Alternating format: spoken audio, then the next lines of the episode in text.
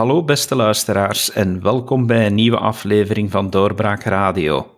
Ik ben uw gastheer David Geens en mijn gast vandaag is Geert Jennis, onderzoeker aan Vives, het onderzoekscentrum van de KU Leuven voor regionale economie en hij is gespecialiseerd in de economie van het federalisme.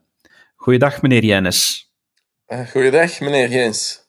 Meneer Jennis, ik eh, heb u gecontacteerd om wat te praten over de ja, economische omstandigheden in de eurozone, de gevolgen die er, die er specifiek zijn uh, nu naar aanleiding van de crisis en ja, de aspecten die u daarvan bestudeert. Nu, uh, om te beginnen met, met een eerste vraag die in mij opkomt, is dat u zegt dat een gebrekkige economische integratie en de grote culturele verschillen tussen de lidstaten, dat die uh, dat die eigenlijk leiden tot, uh, tot een substantiële inkomensverzekering, of net niet tot een substantiële inkomensverzekering op het niveau van de eurozone. Zou je dat even kunnen toelichten? Ja, ik zeg eigenlijk als hoofdstelling dat we te weinig beseffen dat de eurozone economisch weinig aan elkaar aanhangt, aan, aan, aaneenhangt met elkaar. De 19 lidstaten die zo hard verschillen als Letland en Portugal en Griekenland en Finland, die eigenlijk economisch heel weinig met elkaar verbonden zijn qua exporten en importen. Dat we moeten opletten met daar overheden boven te creëren die gaan aan uh, inkomensverzekering doen tussen die verschillende lidstaten. Uh, voor economen is inkomensverzekering uh, rendabel efficiënt als uh, economische actoren met elkaar verbonden zijn, zwaar handel met elkaar drijven. Neem het voorbeeld van de Verenigde Staten. Dat is geen lappendeken, dat zijn sterk geïntegreerde deelstaten, 50 stuks. En die doen veel handel met elkaar. En dus is er een federale sociale zekerheid in de Verenigde Staten. Want uh, als de lokale crisis is in Missouri en de federale overheid treedt daar op met uh, werkloosheidsuitkeringen, dan is dat ook goed voor Californië, want dan kan Missouri blijven kopen van Californië. Dus Californië heeft er als, als bloeiende exportstaat belang bij dat ze belastingen betaalt aan de federale overheid, zodanig dat hij daar inkomensverzekering mee kan doen als het moet, bijvoorbeeld in Missouri. Maar in de eurozone is dat veel minder het geval. Is er veel minder een economische rationale voor die sociale zekerheid, voor, die, voor dat dempen van crisissen die in bepaalde eurozone-lidstaten harder toeslaan dan in andere. Waarom is dat minder uh, economisch wenselijk? Omdat, omdat uh, er minder een win-win is. Duitsland verkoopt slechts 5% van zijn export aan de derde grootste lidstaat van de eurozone, Italië. Waarom zouden we dan, om die 5% veilig te stellen, per se een grote eurozone centrale overheid moeten gaan creëren die ook aan sociale zekerheid moet gaan doen? Dat is de vraag die ik mij stel. Dat is mijn hoofdhypothese. Geen sociale zekerheid of geen belangrijke uh, stabilisatiemechanismen op centraal vlak als de onderdelen, als de lidstaten ook sterk aaneenhangen. Maar is het dan nodig, volgens wat u zegt, dat we eerst die eh, economische verbondenheid vergroten, vooraleer we verdere stappen zetten om ook die inkomensverzekering op Europees niveau te gaan voorzien? Juist. We hebben al decennia geprobeerd de economische verbondenheid in de Europese Unie en des te meer ook in de eurozone, omdat een gemeenschappelijke munt zelfs, uh, te versterken. Maar we zien in de cijfers dat het zeer traag gaat. Duitsland uh, voert vooral handel met zichzelf, intern, en met uh, China en Amerika, die buiten de eurozone liggen, en met Frankrijk dat binnen de eurozone ligt, maar bijvoorbeeld al veel minder met Spanje of Italië. Ik denk dat Nederland evenveel handel voert met Duitsland als dat Duitsland met Italië voert. Waarom? Nederland en Duitsland zijn buurlanden, hebben ongeveer dezelfde cultuur, hebben heel veel uh, vertakkingen bij elkaar. Maar het is nu net die weinig verbonden landen uit Zuid-Europa, Spanje en Italië, die nu een grote eurozone centrale overheid vragen, eisen zelfs, uh, om aan stabilisatie te gaan doen in Spanje en Italië, om de inkomens van de Italianen en de Spanjaarden een stuk te verzekeren. Wat eigenlijk dan weinig rendabel is voor de noordelijke landen. En ik denk dat ze dat ook beseffen. Uh, maar uh, eerlijk, Spanje en Italië, noem het gewoon solidariteit. Noem het geen verzekering. Het discours is nu dat Duitsland en Nederland er belang bij hebben om Zuid-Europa te stabiliseren, om een Europese centrale overheid op te richten die veel meer gaat uitgeven in Zuid-Europa en veel meer inkomsten gaat ophalen in Noord-Europa. Maar alsjeblieft, laat ons eerlijk zijn, Noord-Europa heeft daar niet zoveel baat bij. En uh, als dat doorgezet wordt, laat ons dat dan solidariteit noemen en geen win-win. Als u begrijpt waar ik heen wil. Ja, ik begrijp het. Dus u zegt nu heel duidelijk van dat de noordelijke staten die solidariteit die nu gevraagd wordt, dat eh, ze die niet moeten doen om hun eigen economieën te gaan redden, maar dat het inderdaad puur gaat om een keuze van, van solidariteit.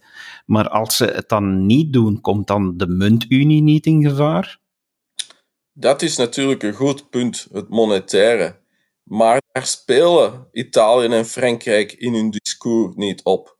Italië en Frankrijk doen alsof ze zeer veel economisch interageren met de noordelijke lidstaten. Alsof ze zeer belangrijk zijn voor de exportprestaties van Nederland, Finland en Duitsland. Dat is niet zo. Dat is niet zo. Uh, noem het dan solidariteit, of inderdaad, zeg het gewoon.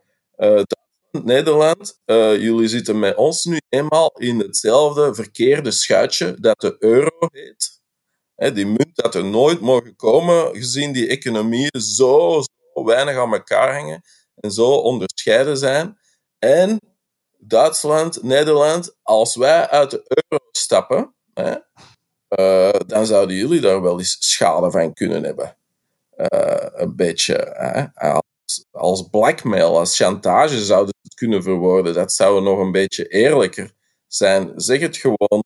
Uh, de euro komt dan onder druk en uh, dat gaat jullie misschien ook schaden. Bijvoorbeeld zeg gewoon als Italië, als wij de euro stappen, kunnen wij terug onze eigen lieren gebruiken om jullie oneerlijke concurrentie aan te doen. Zeg dat dan tegen Duitsland. Maar speel niet op het op het uh, punt in dat de Europese Unie economisch en handelsmatig zeer nauw met elkaar verbonden is en dat Italianen en Spanjaarden, als ze van de centrale eurozone overheid die nu sterker en sterker gaat worden na het recente akkoord tussen Frankrijk en Duitsland, als ze daar uitkeringen van krijgen en extra middelen voor investeringen, dat dat dan heel goed gaat zijn voor de Duitse export. Uh, zeg dat niet, want dat klopt niet.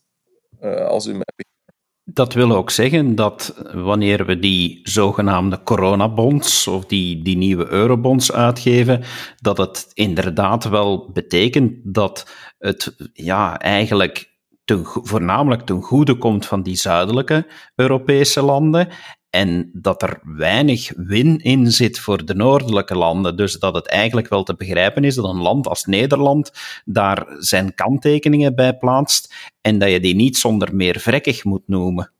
Inderdaad, ik vind het woord vrekkig uh, niet op zijn plaats.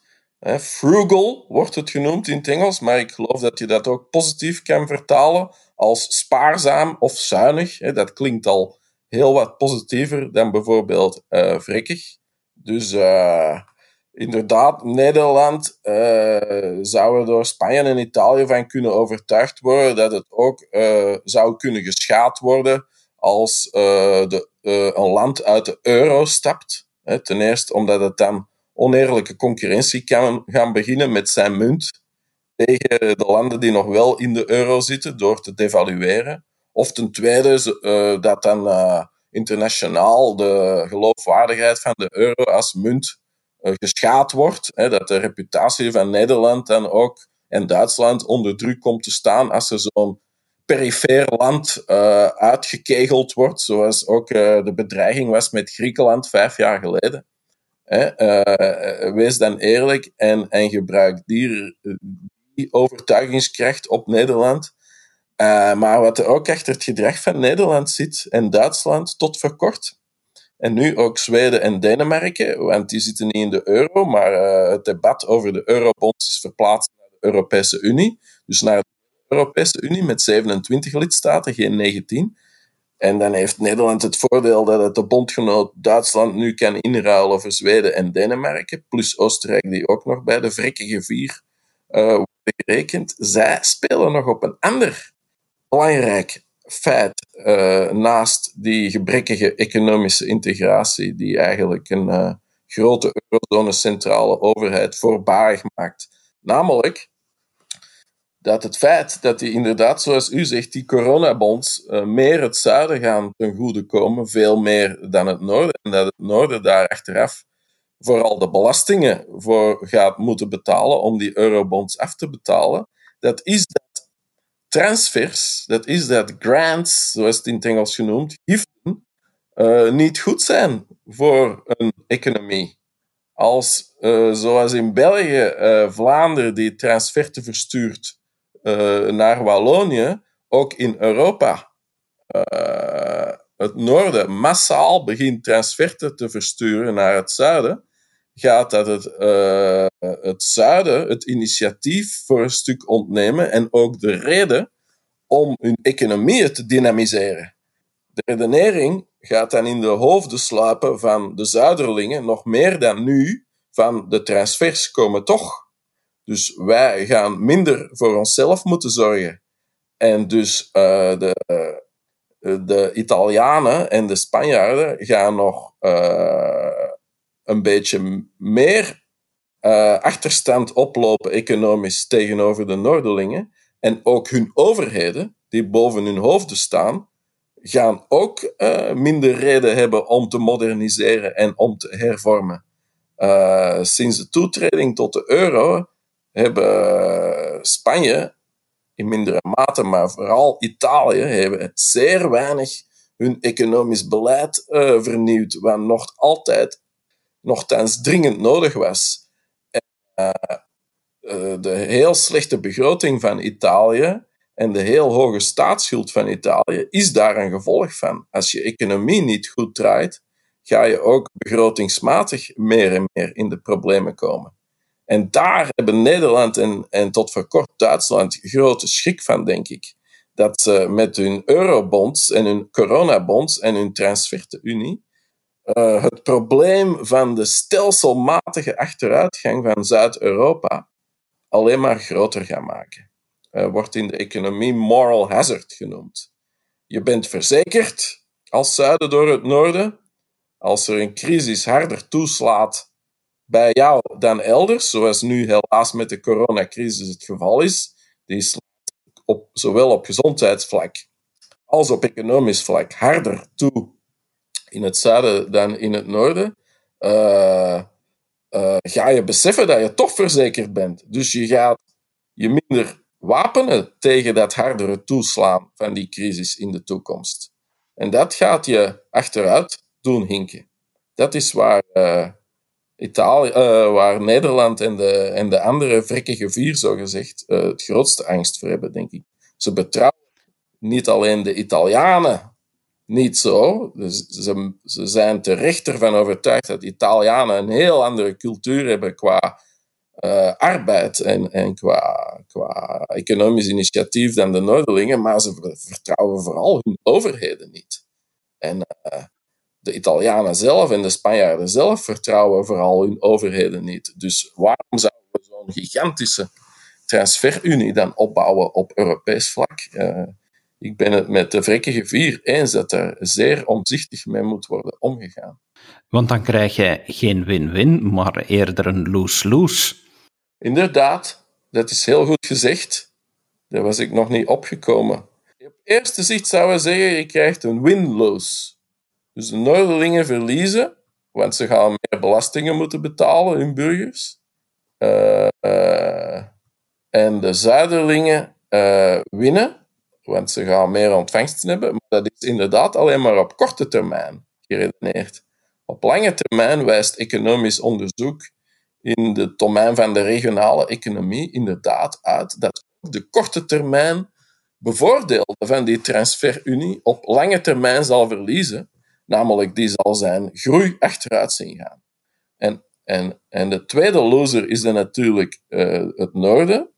Niet alleen moeten die meer belastingen afdragen, maar die gaan ook uh, uh, heel goed draaiende economieën in de Verenigde Staten, zoals Californië, die dragen weinig af aan de federale overheid. Amerika is een economie met nog altijd een vrij kleine overheid. En daardoor is de, de burger uh, uit Missouri, uh, probleemregio's, heeft een veel grotere reden om niet bij de pakken te blijven zitten en desnoods naar Californië te verhuizen. 30% van de Amerikanen woont in een andere staat dan die waar hij geboren is. In de eurozone is dat een schamele 3%.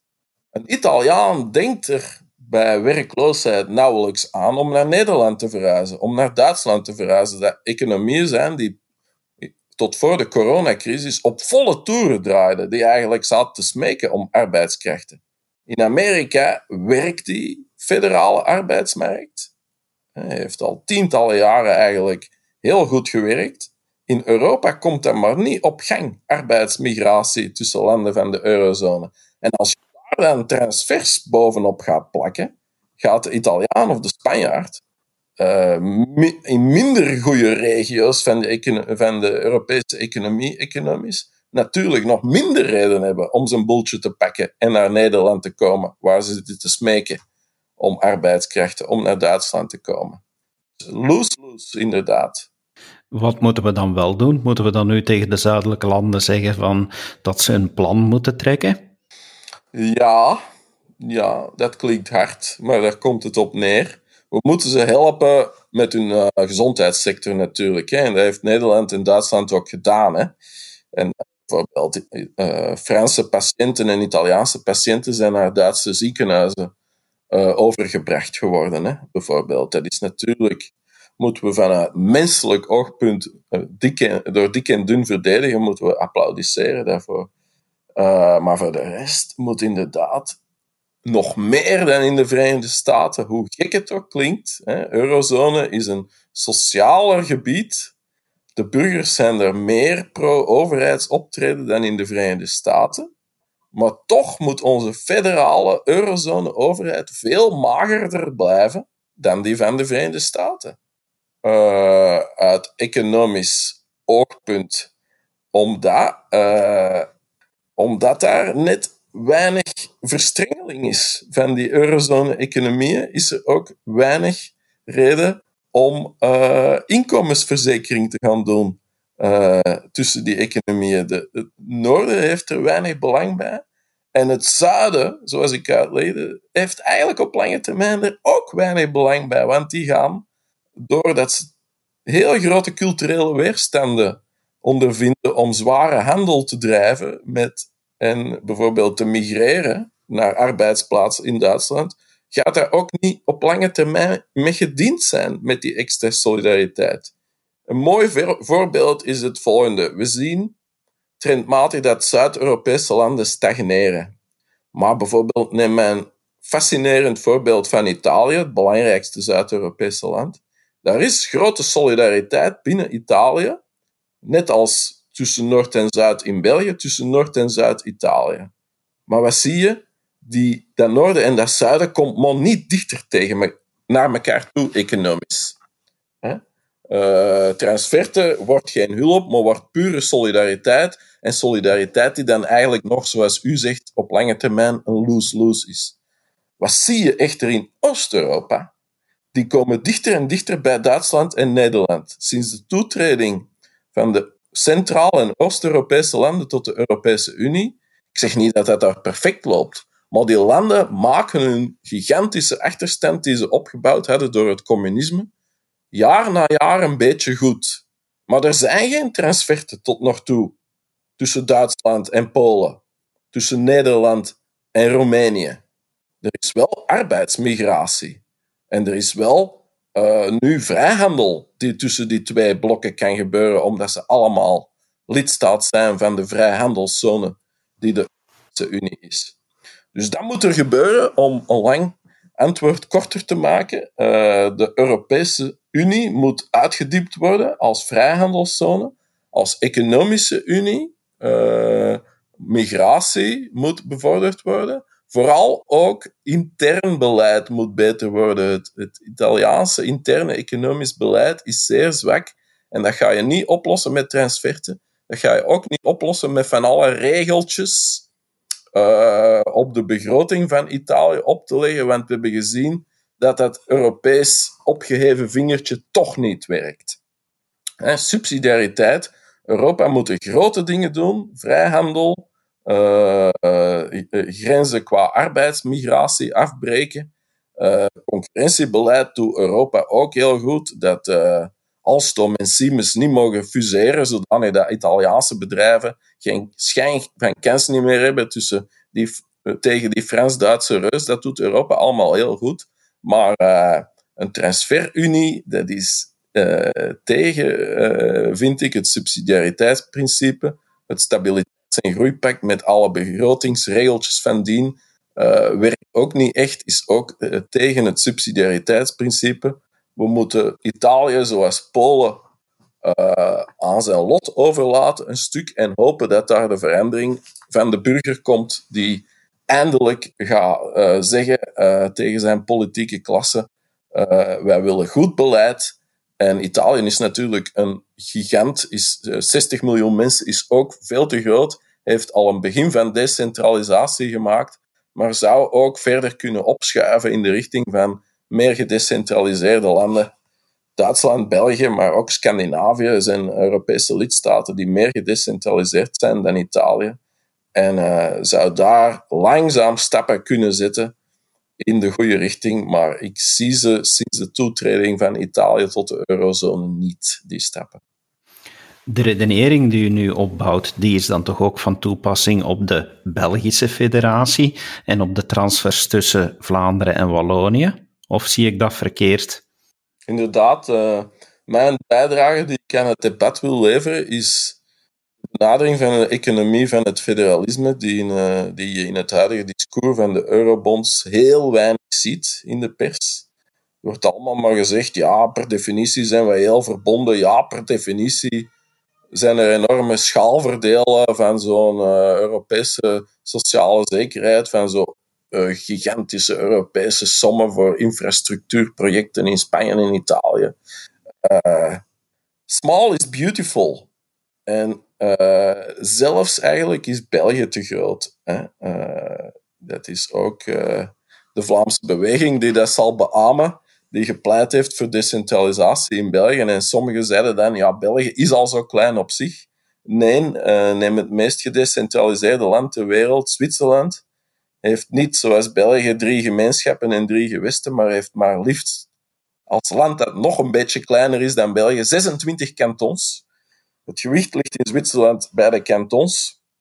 En Zwitserland is niet alleen het rijkste land ter wereld, maar is ook het gelukkigste land ter wereld. Dus welvaart en welzijn worden bevorderd door subsidiariteit en, groot, en, en doorgedreven decentralisatie. En we zien ook uh, ten eerste uh, Inderdaad, uh, Wallonië haalt uh, Vlaanderen maar niet in. Zelfs Brussel, dat veel beter gelegen is dan uh, Wallonië, dat midden in Vlaanderen gelegen is, haalt Vlaanderen slechts heel langzaam, beetje bij beetje, met een beetje goede wil, haalt Brussel Vlaanderen een beetje bij. Dus daar heb je natuurlijk nog een veel groter probleem. Hè. Zoals u zegt, België enerzijds is België kleiner dan Europa, anderzijds is België wel nog een groter probleem dan Europa, omdat daar de transferten in procent van BBP nog veel groter zijn dan, dan wat men in Europa van plan is. En een Italiaan gaat niet migreren naar Nederland als die werkloos wordt. Maar we zien zelfs in België dat een Waal niet komt pendelen naar Vlaanderen. We vragen aan de Waal niet van te migreren, van zijn boeltje te pakken. We vragen gewoon dat hij pendelt. En zelfs dat doet hij niet.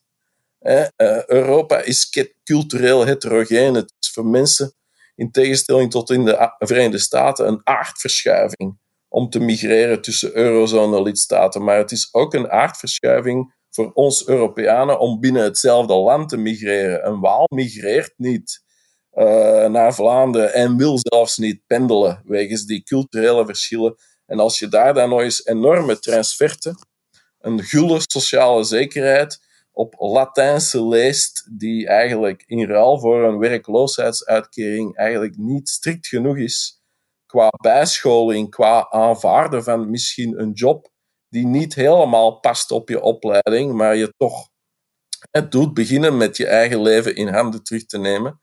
Uh, we zien toch in België dat dat tot uh, constante stagnatie leidt. Dus ook in België heb je het mooie verhaal van we zullen elkaar stabiliseren, we zullen een win-win doen qua verzekering, maar het, het, het, draait ook in België op, op permanente solidariteit uit, die in tegenstelling tot wat het mooie woord zegt, eigenlijk neerkomt op een lose-lose. Wallonië verliest zonder dat het beseft. En, en Vlaanderen verliest ook meer dan dat het beseft. Vlaanderen verliest niet alleen zijn belastingen, maar verliest ook die walen die niet willen komen pendelen. Heel duidelijk, meneer Jennis, dank u wel voor uw toelichting. Het was uh, zeer leerrijk en uh, we weten nu waarom sommige beslissingen toch verregaande gevolgen kunnen hebben uh, wat betreft transfers en de solidariteit binnen een federatie, zowel België als Europa. Dank u wel daarvoor. Graag gedaan. Beste luisteraar, we hopen dat u ook uh, hebt uh, kunnen bijleren van deze uiteenzetting. En we nodigen u graag uit om zeker ook naar de andere podcasts te luisteren en opnieuw aanwezig te zijn bij een volgende podcast. Tot dan, dag. Dit was een episode van Doorbraak Radio, de podcast van doorbraak.be. Volg onze podcast op doorbraak.be/radio of via Apple Podcasts, Overcast of Spotify. Bezoek ook onze website op doorbraak.be en steun ons door een vriend te worden van Doorbraak.